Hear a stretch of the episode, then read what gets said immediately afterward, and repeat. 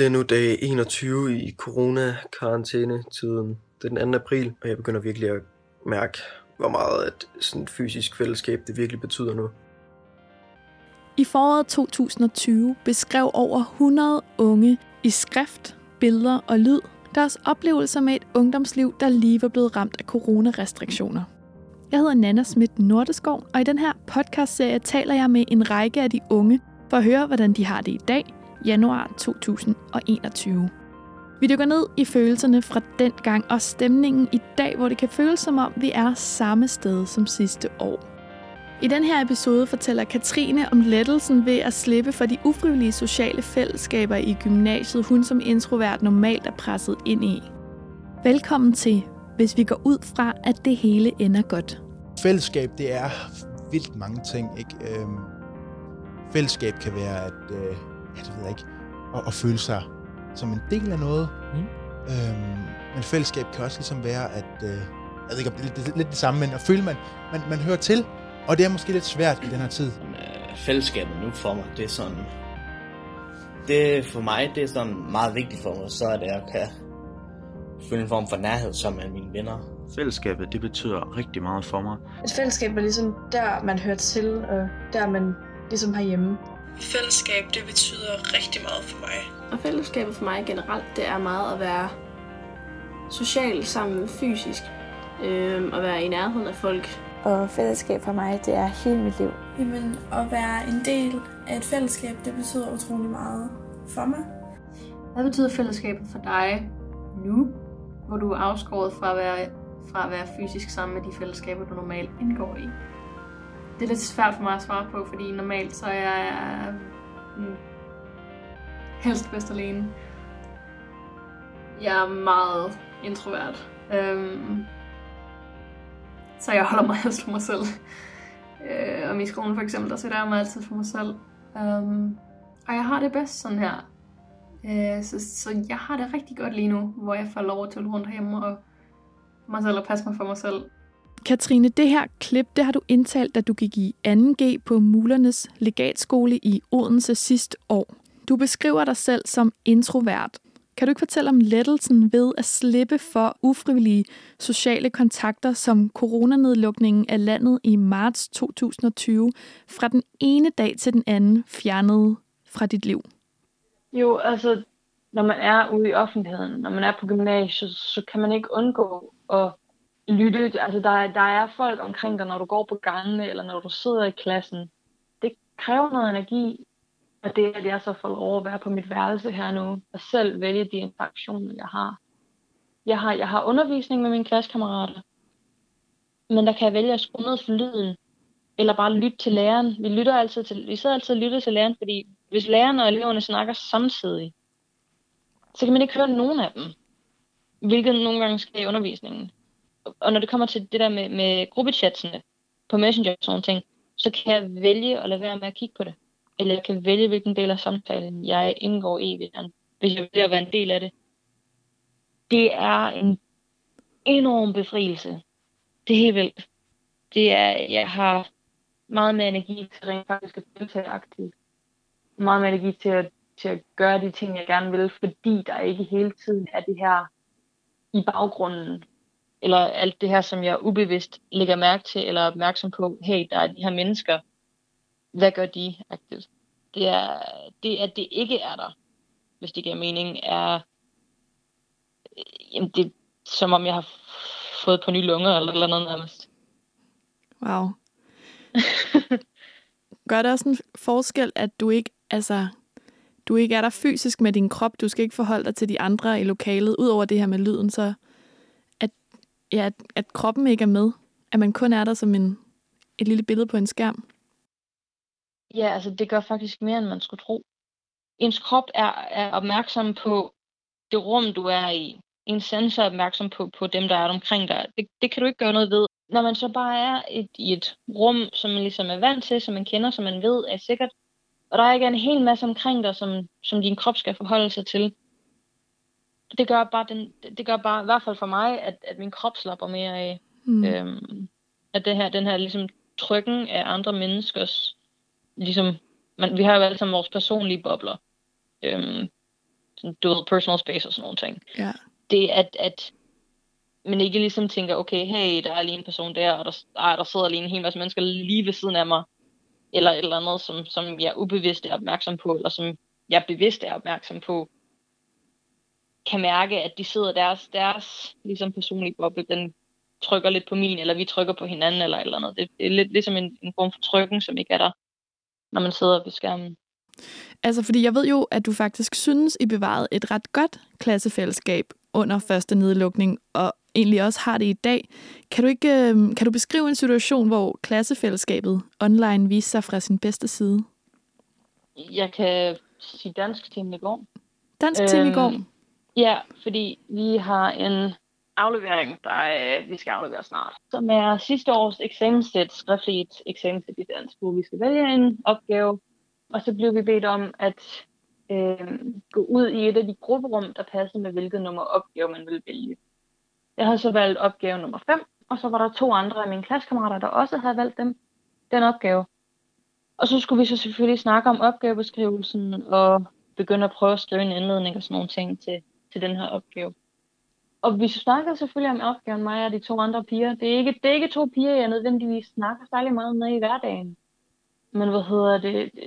Vi, vi kom ligesom til at snakke, vi kom, vi kom ud i nogle ting, som var meget rart, fordi den ene af dem har været ude for noget, der minder meget, meget om noget, noget, jeg har oplevet, som ikke er, det er ikke et behageligt emne at snakke om. Vi fik snakket om det, vi, vi har begge to oplevet, oplevet noget, der minder lidt om hinanden. Og vi snakkede, og vi, vi delte vores erfaring, og vi, vi forklarede, jeg hørte hendes historie, hun fik noget af min historie, og vores fælles klassekammerat og veninde, som, som kender begge vores historier, og som har været meget øh, støttende og tæt ind med den andens øh, situation. Jamen, altså det, vi kunne sidde og snakke om det, øh, også selvom vi normalt ikke rigtig snakker sammen særlig meget. Men det, vi kunne sidde her og støtte hinanden og sige, hey, det er okay. Altså, kvinderne står sammen her. Vi er 13 piger i den her klasse. Vi, vi støtter op om hinanden det var virkelig rørende. Det var meget rart at få at vide, altså den her følelse af, at det kan godt være, at jeg ikke snakker særlig meget med dem, men de støtter stadig op om mig og er sympatiske overfor det, jeg har oplevet, og de tager imod min støtte. Det er, det er meget rart at vide. Tror du, at du ville have åbnet det op på den måde, hvis I havde siddet sammen fysisk i et hjørne af klasselokalen på gymnasiet? Hvis, hvis, jo, hvis man går ud af klassen og sætter sig et andet sted, det er meget ofte, at man gør det, at man får lov til det, så kunne det godt være, at man måske, fordi så er det bare eleverne. Øhm, så er det bare os i vores lille gruppe, og så er det ikke, du ved, så formelt nødvendigvis, eller så kan man meget let komme til at snakke om andre ting. Det kan jeg forestille mig, at du godt kender Helt til. sikkert. Det kan jeg ja. godt huske. ja, så der kan man meget let komme til at snakke om andre ting. Øhm, og nogle gange, så kommer man ud i sådan lidt mere personlige ting. Men hvis vi havde siddet i klassen, inde i klasselokalet, hvor lærerne også var til stede, eller hvis der var andre elever til stede, så var vi nok ikke kommet derud, tror jeg. Ja. Også altså, trygheden af, at jeg sad på mit eget værelse, og mine forældre var lige inde ved siden af, hvis jeg nu skulle få et pyndegenfald eller noget andet. Det var mm. også, det hjalp også med at, at komme igennem samtalen på en, lidt, på en lidt lettere måde. Ja, så sådan, gjorde distancen mellem dig og hende også et eller andet godt for samtalen? Ja, altså lige den her situation, der tror jeg faktisk, at der havde det egentlig været fint, hvis vi sad ved siden af hinanden, øhm, og ligesom tage, tage hendes hånd og sige, hey, jeg føler, det er en smerte-agtigt. Ja. Men det var ikke en dørstopper, at vi ikke sad i samme lokale. Mm-hmm. Altså, det var ikke, det, det var ikke en, en blokade. Det, det var faktisk også, det, det fungerede rigtig godt. Fordi vi var i vores eget trygge space rundt om os, og vi havde, vi havde hun havde sin far lige sådan, sådan par døre nede, tror jeg, eller noget. Ja. Men vi var der for hinanden. Øhm, det, og det der, det der virkelig, den følelse, man mest kunne mærke i samtalen, i hvert fald for mig, det var, at jamen hey, de har, det kan godt være, at de ikke har fysisk, men de er med mig inde i hjertet. Altså de, de, de hører, hvad jeg siger. Dagen efter nedlukningen er det et helt vildt blæsevejr. Jeg går en tur i det område, hvor jeg bor, og det er ligesom om, der er sket noget med den måde, man ser på de andre mennesker på. Det er ligesom om, den der afstand allerede er krøbet ind mellem folk. Det er en torsdag, men det virker som om, det er en lørdag, fordi der er så mange mennesker på gaden. Folk skutter sig i martskulden og ser mistænksomt på hinanden. Det er spændende og lidt uhyggeligt. Det virker som om, det er begyndelsen på slutningen.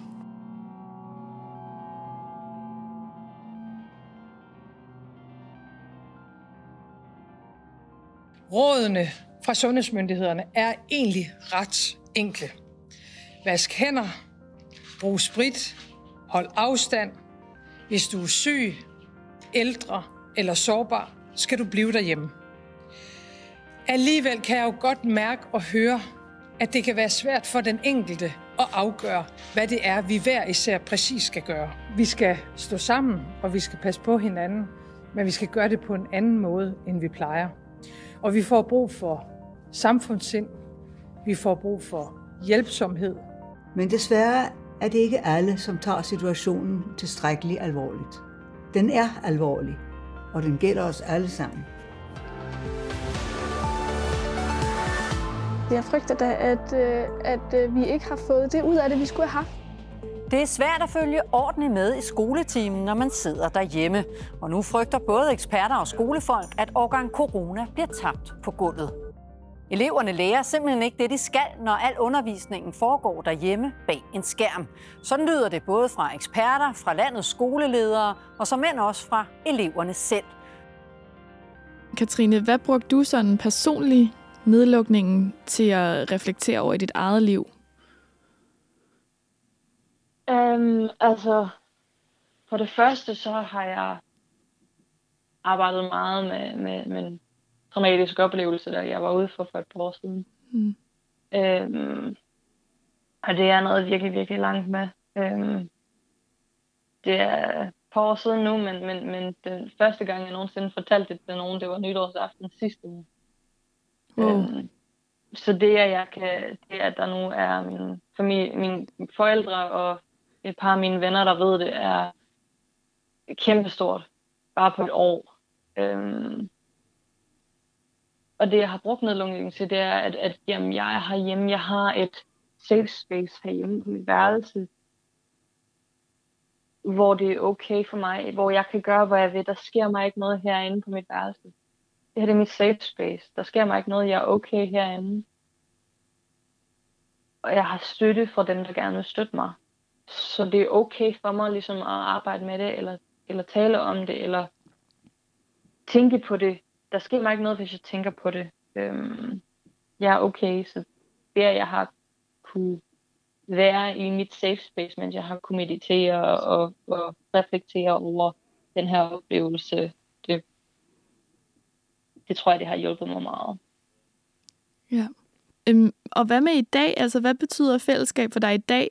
Kan du godt komme til at savne tiden før corona, eller er du egentlig bare blevet endnu mere tilfreds med, med tingenes tilstand? Det er lidt sådan både og.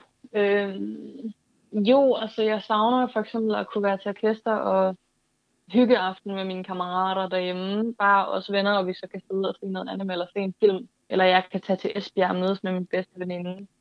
Men på samme tid, så sagde jeg også tidligere, at, at det faktisk er blevet lettere for mig at være en del af klassens fællesskab. Og det holder stadig stik. Det er, når det kommer til skole og, og generel offentlighed, så har det været lettere for mig at være en del af fællesskabet. Nu corona øh, har fortsat, og vi ligesom er, er blevet online. Igen, fordi det der med, at jeg kan ligesom vælge, hvornår jeg er en del af samtalen, og hvor meget jeg, hvor meget jeg er aktiv i samtalen. Og det er lettere for mig at holde styr på, jamen, hvad bliver der egentlig sagt, og sådan nogle ting, uden at der bliver snakket i munden på hinanden i forskellige samtaler i samme lokale.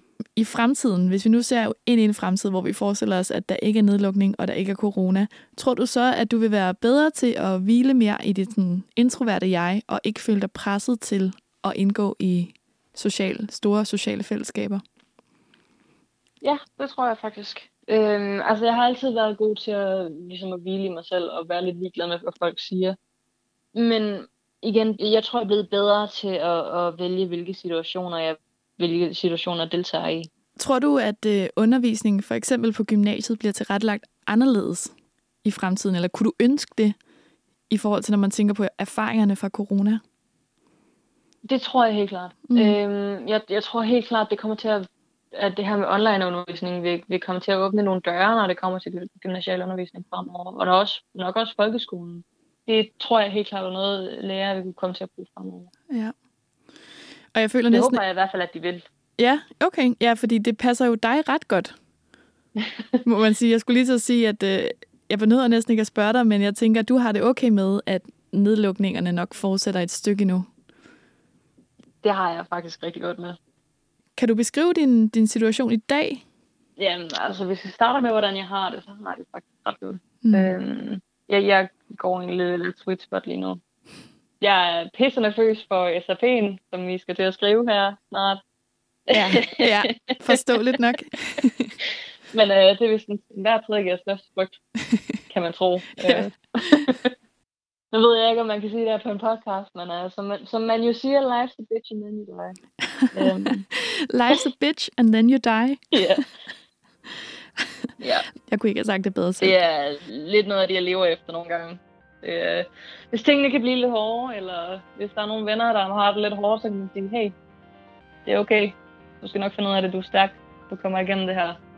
Denne podcast bygger på ca. 140 unges beretninger om vigtigheden af fællesskaber. Skrevet i foråret 2020, hvor Danmark gik igennem den første nedlukning af samfundet på grund af truende coronasmitte.